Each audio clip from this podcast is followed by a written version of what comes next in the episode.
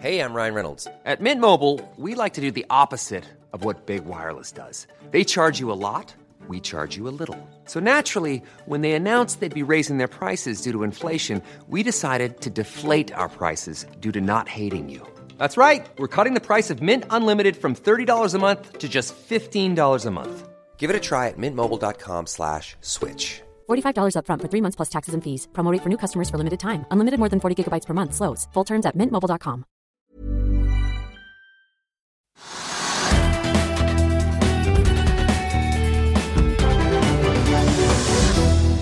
En riktig god ettermiddag alle sammen, og hjertelig velkommen til Økonominyhetene på en dag der det ser ut til at alle andre enn Oslo Børs har fått med seg at det er fredag 13. oktober, for mens Wall Street falt i går, og den fire dager lange oppturen ble brått avsluttet etter inflasjonstall som var litt hetere enn ventet, og et renteopp i aksjonen på ny amerikansk statsgjeld, så har det fortsatt nedover i dag. Markedene i Asia er en god del ned, i Europa er det også rødt jevnt over, og futuresene på Wall Street peker også nedover før da handelen kommer i gang om snaue to timer, med unntak unntak da av selvfølgelig Oslo Børs. Ja, Vi sitter godt i det her oppe på berget. Ikke bare har gassprisen steget kraftig den siste tiden. I dag ser vi også oljeprisen skyter opp igjen. Nordsjøoljen opp over 3% nå, over 89 dollar fatet, så vi begynner å snuse på 90 igjen. Det er jo da godt over tre dollar opp fra bunnen vi så tidligere i eh, dag. Jeg nevnte gassprisen. TTF-prisen nede i Nederland steg 7 euro i går til over 53 euro megawatt-timen, som er det høyeste nivået da vi har sett siden slutten av eh, august. Hovedveksten her hjemme opp 0,2 nå til 1311 poeng. Vi har vært over 1300 i hele dag. Og etter at vi altså karret oss opp igjen over 1300-grensen i går, og vi må da tilbake til 20.9 for å ha sett det tallet der. I dagens sending så blir det både bilprat og ikke ikke minst så får vi besøk av Bjørn Tore Foss eh, i eh, Ernst Young, som har med seg deres nyeste trans transaksjonsrapport. Så skal vi høre hva som rører seg både i Norge, utenfor og på eh, børs. La oss også titte litt på overskriftene som preger dagen, for mens dramatikken og elendigheten fortsetter i Midtøsten, så ser det ut til at endringer i regjeringen også er nært forestående. Adresseavisen får bekreftet i dag at Karianne Tung blir ny statsråd inn i Kommunaldepartementet med ansvar for digitalisering. Og så får vi se om vi snart får en ny utenriksminister utenriksminister også.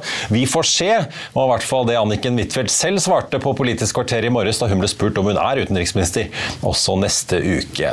Apropos jobbbytter, Telia har annonsert hvem som blir ny toppsjef. Vi venter også på flere bankresultater de nærmeste dagene, nå som kvartalssesongen så vidt er i gang. JP Morgan har akkurat kommet ut med sine. Overskriften er at de leverer bedre resultater enn eh, ventet.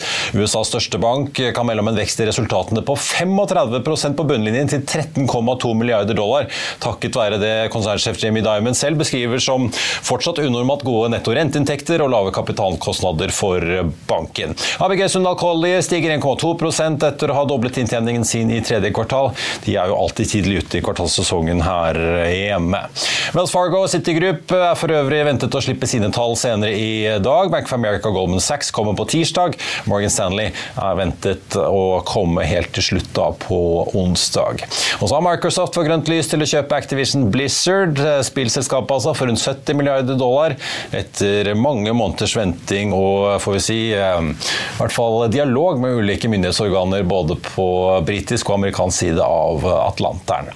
Vi må innom eh, et stort jobbskifte da på toppen av Telekom. Telia melder nemlig nå at de har utpekt Patrick Hoffbauer som ny konsernsjef fra 1.2.2024. Og han vil da etterfølge Alison Kirkby, skotten som sluttet fordi hun skulle bli toppsjef i den britiske telegiganten BT.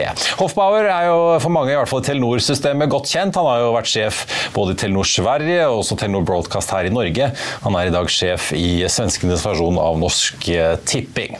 Det er eh, skikkelig fredag den 13. i dag for Ørsted, BP, Equinor og alle de andre som har søkt havvindlykken i USA. I går kveld annonserte nemlig New York States Public Service Commission at de sier nei til søknadene om å øke støttenivået i de amerikanske havvindprosjektene til disse selskapene. Prosjekter som Sunrise, Empire og Beacon grunnet Eh, da inflasjon og økte kostnader, så har selskapene bedt om å få opp støttenivået for å kompensere for dette og sikre lønnsomheten. Men de milliardene av dollar har ikke New York og deres forbrukere tenkt å gi slipp på, kom det altså frem i går. Så får vi se om det blir noe av disse store prestisjeprosjektene eller ikke. Den danske fornybargiganten Ørsted faller i hvert fall 8% på København-børsen i dag, og det kommer jo da på toppen av det kraftige fallet vi så i august, da de varslet de store nedskrivingene som allerede er i gang, som potensielt nå kan bli enda større. Ifølge gjestene vi hadde i Børsmorgen i morges i hvert fall, så kan det bli mer tap. Vi begynte med å spørre Helene Kvilhaug Brøndbo i DB Markets om bunnen snart kan være nådd for disse fornybare aksjene og selskapene. Bare se her. Eh, hvis vi ser på aksjekursene, så reflekterer de nå for i hvert fall de fornybarselskapene jeg ser på, ikke vekst. Nå reflekterer de egentlig stort sett kun underliggende verdier. Og det i seg selv burde jo kunne tyde på at man nærmer seg en eller annen bunn. Men samtidig så er det fortsatt en periode nå hvor man kan forvente en del negative nyheter, spesielt på havvindindustrien. Når man ser at en stor og egentlig ganske redelig aktør som Ørsted har vært ute og annonsert nedskrivninger, så tror jeg jo at andre også kommer til å, å måtte gjøre det. Ja, for De sa jo selv at de har investert en 27 milliarder danske kroner omtrent i USA. Dere regner med at rundt 16 av de blir nedskrevet som tap. Ja, det er to av tre kroner. Nå kanskje litt mer. Ja. Er, det, er, liksom, er, situasjonen det samme for Equinor sitter jo i store prosjekter. Er, det liksom, er bildet likt for alle disse aktørene? Eller er Ørsted liksom, har de vært spesielt uheldige? Jeg vil si at det bør være ganske likt for alle med eksponering mot USA mer modne markeder for havvind i Europa har nok i en litt mindre grad blitt truffet av disse tingene som har skjedd. Fordi verdikjeden der er mer moden og kostnaden ved å bygge ut derfor er lavere. Men man ser jo også i UK at det er store problemer med å få til lønnsomhet. Og, og mye av grunnen til det er jo denne mismatchen mellom disse økte kostnadene og de inntektene som myndighetene har lyst til å gi til havvind. Myndighetene har jo nytt godt av mange år med fallende kostnader for havvind. Eh, og sånn sett blitt godt, godt vant. Og nå sitter mange myndigheter og har pressede statsbudsjetter og får da forespørsler om å faktisk betale mer for havvind. I en periode hvor man også ser at andre fornybare teknologier, sånn som sol, har fallende kostnader. Og det tror jeg sitter langt inne for mange å betale den høyere kostnaden for, for havvind. Man har sett tidligere tegn på det i USA, og i UK også, hvor de nylig hadde et anbud med en maksimumspris som var lavere enn for vind på land. Tro det, tro det eller ei. Ja, for det er jo ikke billigere å bygge ut enn vind på land? Absolutt Nei. ikke. Og, og, nå har man jo sett enda et negativt datapunkt i så måte fra, fra New York. Ja. Eh, da Ørsted hadde den store nedskrivingen nå i august, eh, så hadde de jo en call hvor sjefen satt og de ble spurt om dette. om det Er dette et USA-problem eller er dette et problem for hele vindbransjen? Han eller de sa at de foreløpig ser at det er, eh, for i hvert fall så vidt de mener, et USA-problem. Men nå har vi jo en havvindauksjon som kommer opp i Norge, hvor flere selskaper som er på børsen har tenkt å være med. Noen har trukket seg ut allerede, som Magnora, som jo er børsnotert. Men hvordan vurderer dere det? Er, det, er dette et mye større problem enn bare et USA-problem? Absolutt. Økte renter treffer, treffer, alle land. Økte kostnader treffer alle land. Verdikjedeproblemer treffer nok USA hardest. Men, eh, men, de andre elementene der bør gjøre at det blir dyrt nok. Og husk også at Norge er et relativt nytt marked eh, med tanke på, på havvind. Og der skal turbinene stå ganske langt fra land. De skal stå på ganske dypt vann. Som også vil gjøre at kostnaden ved å bygge ut dette vil være høyere enn det det er i en del mer modne markeder, sånn som f.eks. Tyskland og Nederland. Vil du bli oppdatert på det viktigste som har skjedd innen finans og næringsliv? Da er det bare å følge med, for hver morgen er jeg, Marius Lorentzen og aksjekommentator Karl Johan Malnes på plass i studio for å ta tempen på dagens marked i Børsmorgen. Og hver ettermiddag oppsummerer vi alt du trenger å vite i økonominyhetene, og det blir selvfølgelig masse interessante gjester. Klikk deg inn på fa.no-tv, eller søk opp Børsmorgen og Økonominyhetene der du hører på podkast. I'll see you in court. Vi sier det ofte litt på spøk, men for deg som driver business, er det aldri moro å innse at du ikke har laget en 100% gyldig kontrakt. Du bør ikke risikere hele firmaet ditt fordi du synes dette med kontrakter er litt stress. En avtale er ikke en avtale. Du kan miste kunder, miste venner, ja, til og med miste inntekter om du ikke lager en skikkelig kontrakt, på alt mulig, egentlig. Men vi vet det er et styr. Kopimaskiner, tregprinter og haugevis av papir. Dessuten stoler vi jo på folk her i landet. Det er ofte litt kleint å skulle be om en signatur for alt mulig, ja, for mye av styret handler også om jakten på underskriften.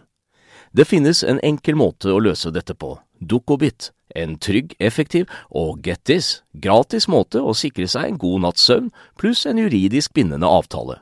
Dukkobit-appen har de strengeste sikkerhetskrav i bunn, samt en EU-godkjent og sertifisert teknologi. Framover vil det bli behagelig å spørre du, skal vi skrive under på det, eller? Kom i gang på dukkobit.no.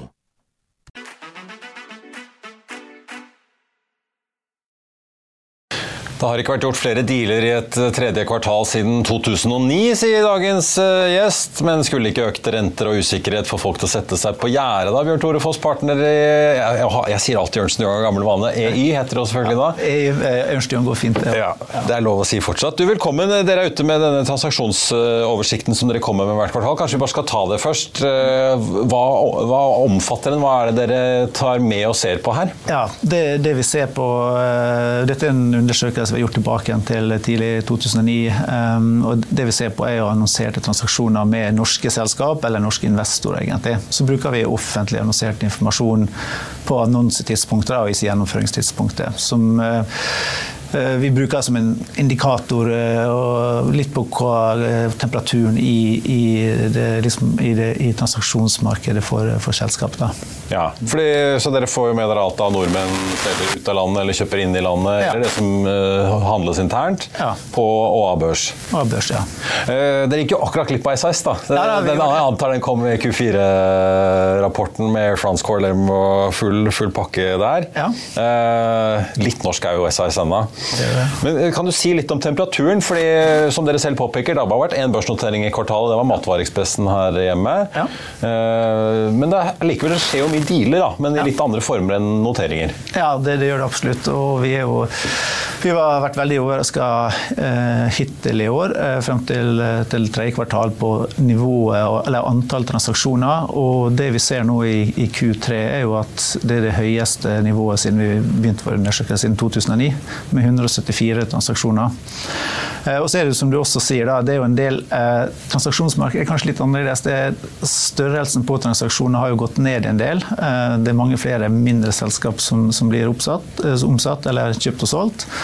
Eh, og så er det også en del større transaksjoner, men, men det som kanskje er kjennetegnet på det største, er jo fraværet av fremmed kapitalfinansiering. Veldig mye Statkraft, Equinor, som, som også eh, i det korte bildet i hvert fall finansierer dette bare med egenkapital. Da. Ja. Mm. Tar rett og slett cash up front? Eh. Betaler cash, og så kan det være muligheter for at de får da refinansiert på et senere tidspunkt, da, når, når kanskje lånevilkåret er mer gunstig. Ja, for Hva er det som driver den aktiviteten? Ser dere noe trender i det? Er det fordi vi har jo økte renter, det er ganske ja. mye usikkerhet. Vi har hatt og har fortsatt høy inflasjon. Ja. Men er det det at folk må kjøpe og selge for å rydde opp i egen balanse som gjør dette her, eller er det Det er et innslag av det, innslag av det også. Og så er det det at den, det sånn, underliggende økonomien i Norge har jo vært eh, innenfor en del sektorer har vært veldig bra, faktisk. Det er høy kontantstrøm, og en del mindre selskap bruker jo sin egen, si, egen balanse og kontantstrøm på å gjøre oppkjøp. da. Ja, da Norwegians kjøp av Widerøe, det er jo cash kontant, virker det som, ja, ja. ut av ja, kassabeholdningen? Ja. ja, det er det vi ser det en del eh, porteføljeselskap eh, som er eid av eh, private equity-aktører. De bruker da sin, sin balanse og cashflow til å kjøpe mindre, mindre selskap for å ekspandere. Um, uh, så det er jo liksom, det er den trenden vi, vi, ser en del. Og så, er det også et, kanskje et resultat av at vi kommer fra en periode med veldig høye verdivurderinger, som covid var. Det var jo helt uh, vilt. Eh, og så ser vi nå kanskje at kjøpere og selgere møtes i forhold til pris. da. Ja. At eh, selgerne har fått ned sine prisforventninger en god del. Ja, for det, det, er jo det i hvert fall går og venter på i eiendom, virker det som. Men det har da skjedd i andre deler av næringslivet litt mer, da? eller? Det har nok skjedd i andre deler av næringslivet litt mer. Også eiendom, der er det fortsatt eh, For å få gode giler og alt sånt, så, så må han ha en del eh, lånefinansiering, da. Ja. Mm. Det noe, dere ser jo, sant, dere måler jo hvor mange, utled, altså, hvor mange utenlandske kjøpere, selgere, norske kjøpere, selgere. Ja. Er det noe liksom, utviklingstrekk der som er interessant å merke seg? Eh, vi så et stort skift i, i andre kvartal, hvor det var veldig lite utenlandske kjøpere. Veldig uh, høy andel av norske kjøpere. det vi ser nå, er at vi er mer tilbake enn på normalen. Um, så kan det sikkert være timing av transaksjoner som gjør at det slår så voldsomt ut, sånn som det gjorde i, i, i Q2. Men, men, jeg tror trenden vi ser er nokså stabilt mot det vi har sett, uh, sett tidligere. Men, ja, men en annen ting vi også ser, er jo at og det, vi, det, får vi også høre når vi snakker med våre største private equity-kunder, det er jo at det å ta selskap av børs, det er stadig mer aktuelt. Og også Norge Og det viser jo en del av de siste annonseringene også med Kahoot i spissen, at det er et en måte å gjøre transaksjoner på som i hvert fall private equity ser på som, som, gunstig akkurat nå. Ja, for Det har vi jo hatt noen eksempler av. Det har jo bidratt til litt opprydning på Aeronext uh, Growth, gamle Merker Market. Men, ja. Uh, men ja, hva med private equity? Virker det som de har evnen til å kjøpe opp uh, ting òg? For mange av disse har jo har, antar jeg, har måttet skrive ned verdiene på investeringene en god del? Ja, det, det, har det. Men samtidig, hvis du ser globalt, så er det en trend at, at kapitalforvaltere allokerer mye mer kapital til private equity. Det største fondet som vi snakker med, har jo alle ute for å hente mer kapital, og, og klarer å hente det, det nivået de setter seg på, på, på sine fond. Og det gjør jo at det må jo sette kapitalen i virke. Det må jo eh, kreve inn kapital fra investorer, sette i, i, i virke. Og så er det også slik at de kaster visse gode penger etter dårlige, men når prisene blir på et attraktivt nivå, så sitter de med, med nokså mye kapital eh, tilgjengelig til, til, å gjøre raske investeringer. Og da kan jo f.eks. det å ta et selskap som de ser er gunstige priser av, av børs, f.eks. Ja. ja, du nevnte jo Kahoot. Vi har jo flere for så vidt innen teknologi. da. Ja. Telenor uh, solgte ut Working Group 2 til Cisco. Ja, ja. Så det, jo, det, har vi jo sett før i Norge, da teknologibedrifter forsvinner ut. Ja, ja. Ja, og, og så, så jo Self-Storage også. Eh, så, så, det underliggende er jo at det må jo ha en kontakt. Ja, For det var også et private equity-pakket oppkjøp eh, av minilagerselskapet? Ja. ja, det var det. Og så ser du også det at det, det må jo ha positiv kontantstrøm stort sett eh, for å få, for å få betjent dette. Og så har vi også, når vi ser og snakker med våre utenlandske kollegaer, så ser vi også et veldig stort innslag av det som blir kalt privatkreditt. Altså en del av de største PE-fondene har jo etablert kredittfond, som tilbyr jo da eh, kreditt til oppkjøpsfinansiering, til refinansiering av balanser og sånt. Og, og, og kommer da inn med en litt annen eh, tematikk kanskje enn banker, hvor du har eh, litt høyere rente, men, men mindre covenants og sånt, da, som gjør at selskaper kan operere litt mer eh, volatilt kan si, gjennom perioder, istedenfor ja. å bli bundet av, av nokså sterke covenants. da. Litt som alle disse små utbyggerne som løper til eh, crowdlending-plattformene nå for å unngå bankenes krav om at du i hvert fall må selge halvparten av prosjektet før du får sette spaden i jorden. Riktig. riktig. Ja. Eh, men det gir også Du får jo da inn gjeld som, som blir mer fleksibelt da, kanskje i en del av sånne oppkjøpssituasjonene. Eh, er det mange som dere opplever er tvunget til å selge rett og slett fordi at gjeldsbelastningen begynner å bli høy nå? Vi, jo, vi sitter jo og ser på obligasjoner som blir priset i markedet. Ja om det er PGS Dere tar jo opp selvfølgelig PGS-fusjonen, ikke sant? Men, men liksom hvor du ser uh, tosifret rentebelastning på disse lånene. Selv holdt jeg på å si et oljeselskap som Okea måtte være fornøyd med å få over 9 virket det som da de refinansierte. og Det er en butikk som spruter penger om dagen. Likevel er det over 9 eh, rente der. Er det, merker dere at mange er tynget og sånn sett liksom blir tvunget litt til å gjøre noe? Vi, vi har ikke merka så mye av, av, at de har blitt tvunget til å gjøre noe. og og, kanskje en trend vi også har sett, er jo, hvis du skal ta private equity, da, er jo at, at det flytter en del inn i liksom, normal levetid for en investering. kan du si da, Et private equity-fond er jo eh, sju til ti år, kan du si.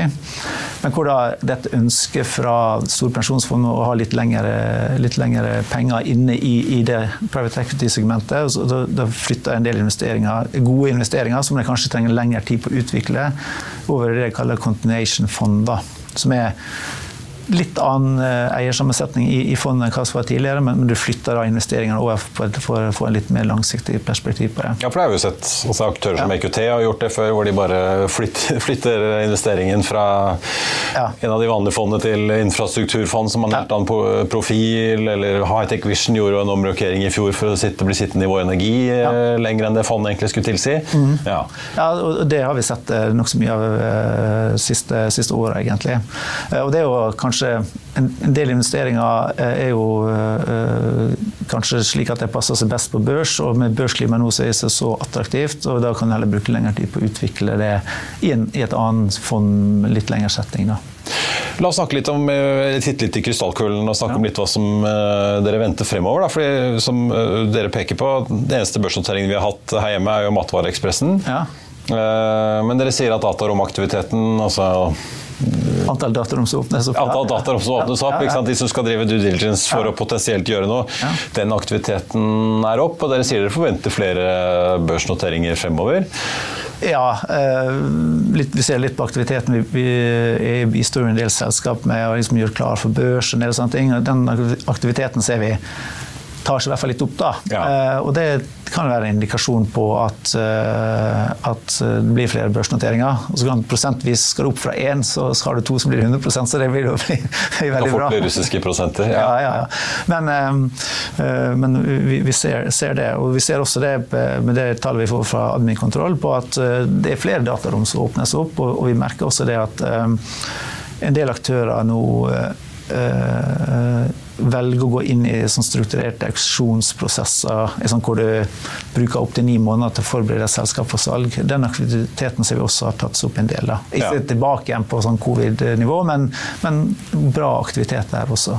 Ja, så det kan komme. For jeg tenkte å si, Vi diskuterte jo det her i morges. Ja. Det er jo mange av disse børsnoteringene som har kommet uh, den siste tiden som ikke har gått veldig bra. Ja. Arm og Instacart og Birkenstock og de har jo liksom ikke klart å holde kursene Nei. som de ble satt uh, løs på på Nei. børsene. Og det har jo vært litt sånn prøveballonger virker det som for å se hvordan markedet tar imot disse selskapene når de kommer. da, Men ja. virker det... det litt sånn dempende på appetitten fremover? At ja, man driver litt prosesser på kammerset, men det er ingen hast med å faktisk annonsere transaksjonen Nei. og noteringen? Nei, det, det tror jeg nok er riktig. Eh, du bruker kanskje lengre tid på å forberede alt mulig, sant? og så prøver du i det liksom, vinduet for en børsnotering er åpen, så er du på en måte eh, klar. Eh, men du trykker liksom, på knappen på offisiell børsnotering før, du liksom, er 100 sikker på at det blir en bra verdsettelse. Da. Til slutt eh, tenkte jeg å høre litt om kronen nå. Det, eh, spiller det noen rolle? Altså, blir, blir, ting relativt sett billigere og dermed også attraktive for utlendinger, sånn at dere ser noe utslag av det, eller er det litt for kortsiktig å tenke på den måten? Ja, altså Man ser kanskje litt utslag av det, men så er det samtidig det at hvis ting er billig nå, eh, du får en gunstig si dollar, eh, ut fra dollar er gunstig, så vil jo være, hvis norske kroner styrker seg, så blir jo det relativt sett dårligere i, i, i dollar. Så det kan jo kanskje også være, selv om verdsettelsen i norske kroner akkurat nå er attraktiv, så kan det være at eh, utsikten på veien valutakursen kan gjøre at du får liksom valuta mot deg i det øyeblikket du skal selge. Da. Så det, det, det, kan stå begge veier. Ja. Mm. Bjørn Tore Foss i EY, tusen takk for at du eh, kom til oss. Får vi se da om Oslo Børs kan notere seg én, kanskje to noteringer til ja, ja. før nyttårsrakettene går i luften? Ja, ja, fint. Takk skal du ha. Takk skal du ha. Vi er eh, straks tilbake med Andreas Scheel rett etter dette. Du hører på Klokkelandslaget, en podkast fra Finansavisen i samarbeid med tidssonen.no. Og ja, du gjettet riktig, dette er en podkast om klokker. Vi står her med en av de nyere nå. Hvis man har fulgt utviklingen fra de første Astron-klokkene Og så har du en sånn, sånn Starburst-aktig skive. Men ikke bare om klokkene, vi skal snakke liksom om tingene som skjer rundt. Øh, folkene. Men jeg ønsket meg klokke i konfirmasjonsgave. Mm. Alle kompisene fikk det. Jeg fikk det ikke. Jeg fikk gullmansjettknapper. Jeg er dritsur på foreldrene mine. Nyhetene, øh, historiene, merkene. Hva som er interessant i klokkeverden, rett og slett. Da skal vi snakke bil, og jeg har fått med Andreas Scheel, redaksjonssjef i FA Motor i studio. Andreas, jeg, kanskje jeg skal holde opp eh, coveret på FA Motor for helgen? Gjerne Jeg er jo veldig glad i de ordspillene dere kjører i motor, da, men eh, ved sine fulle fem. Det handler jo selvfølgelig om ny 5-serie fra BMW. En ganske viktig lansering for eh, BMW.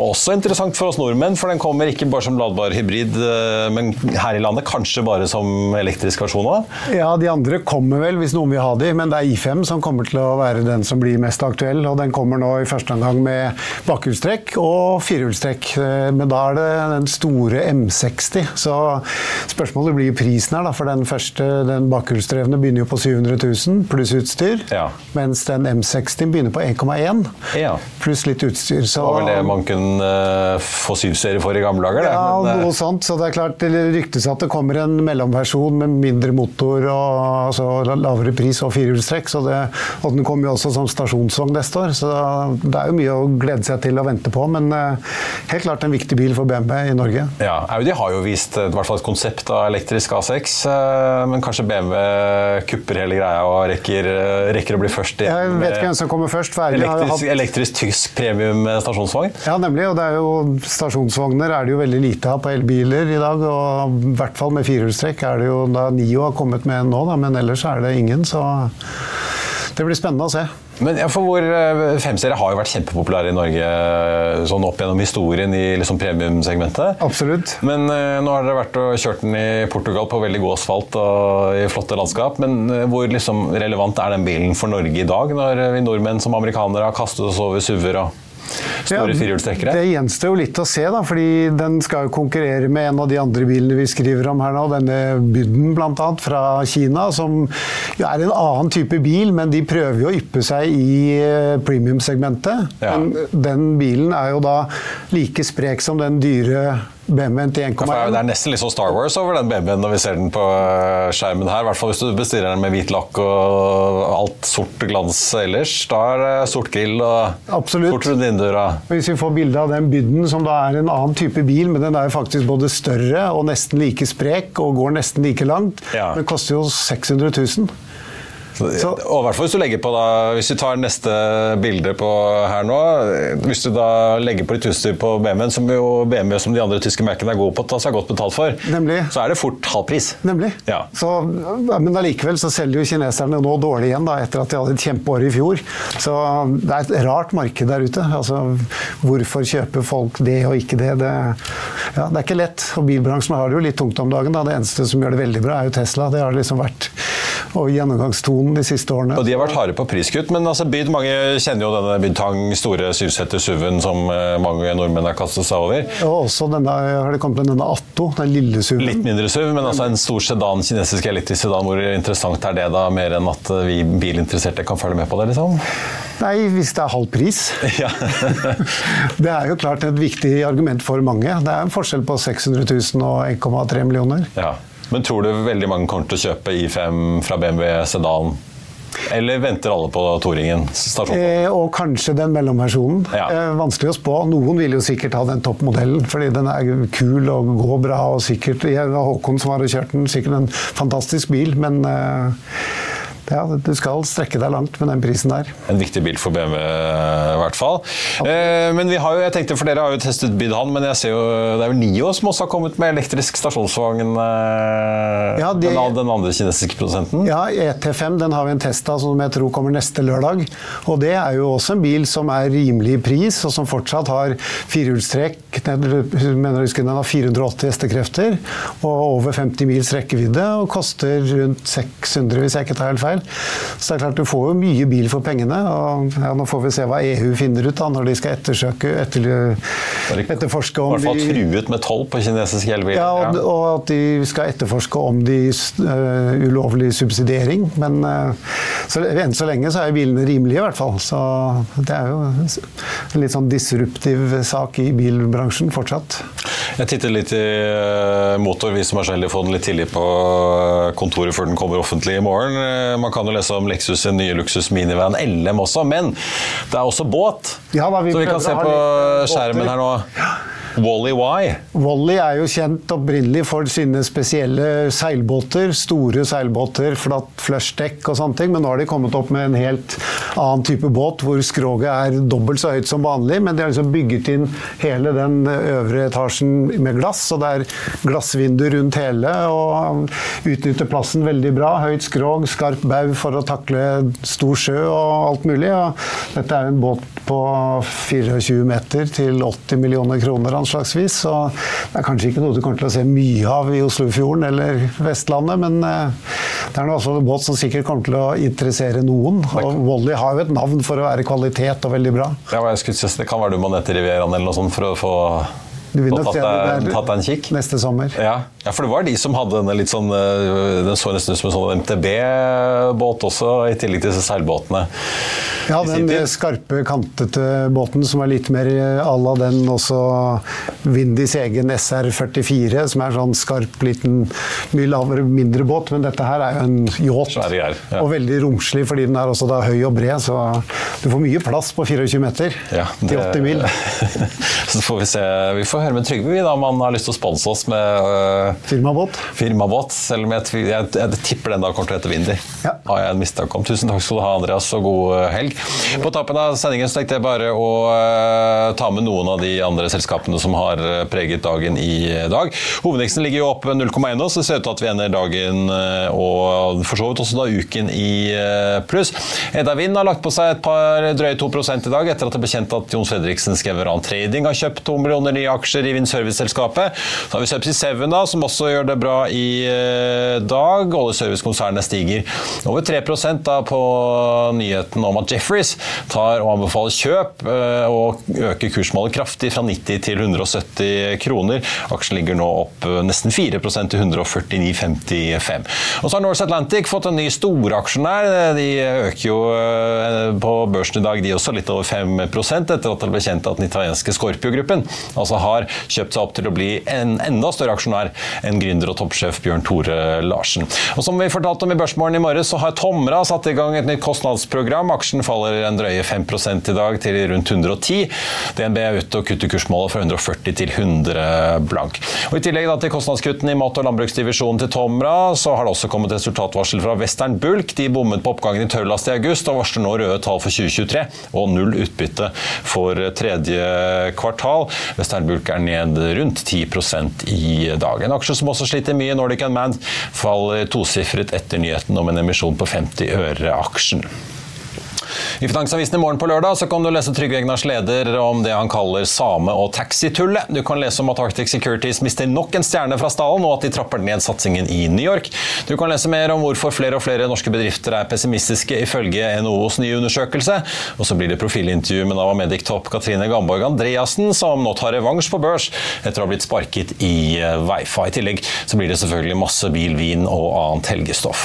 Før jeg avslutter her, så har vi også en trist nyhet å meddele får vi si, på vegne av bransjen. Vi sender våre kondolanser til de pårørende og kollegaene i dag og tid til Jon Hustad, den hardtslående skribenten som i en årrekke har engasjert seg i dekningen av saker innen både energi og økonomi, har gått bort. Han ble 55 år gammel. Og Da var vi i veis ende i denne sendingen, og vi kan si at helgen er her. Tusen takk for følget både i dag og i uken som har gått. Trenger du noe å høre på i helgen, så kan jeg både anbefale praten vår med Vipps-sjefen på onsdag og DNBs fornybaranalytiker i morges på Børsmorgen. Masse interessant stoff der. I Hegna Medias nye Aksjepodden-podkast kan du også høre intervju med sjeføkonom Torbjørn Kjus i Aker, som også var gjest i Børsmorgen tidligere denne uken. Så da er det bare å rulle bakover i feeden hvis du trenger litt faglig påfyll, som det heter. Mitt navn er Mari Thorensen, og fra alle oss her i Finansavisen, ha en riktig god helg.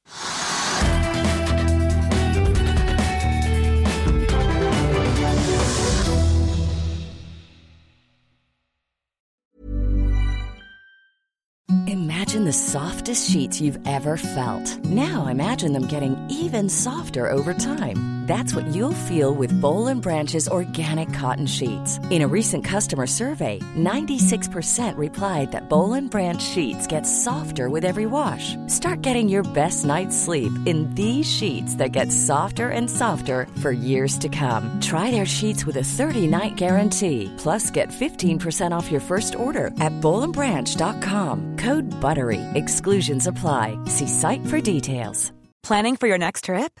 Elevate your travel style with Quince. Quince has all the jet setting essentials you'll want for your next getaway, like European linen, premium luggage options, buttery soft Italian leather bags, and so much more. And is all priced at 50 to 80% less than similar brands. Plus, Quince only works with factories that use safe and ethical manufacturing practices. Pack your bags with high-quality essentials you'll be wearing for vacations to come with Quince. Go to quince.com slash pack for free shipping and 365-day returns. Økonominyhetene er en podkast fra Finansavisen. Programledere er Marius Lorentzen, Stein Ove Haugen og Benedikte Storm Bamvik. Produsenter er Lars Brenden Skram og Bashar Johar. Og ansvarlig redaktør er Trygve Hegnar.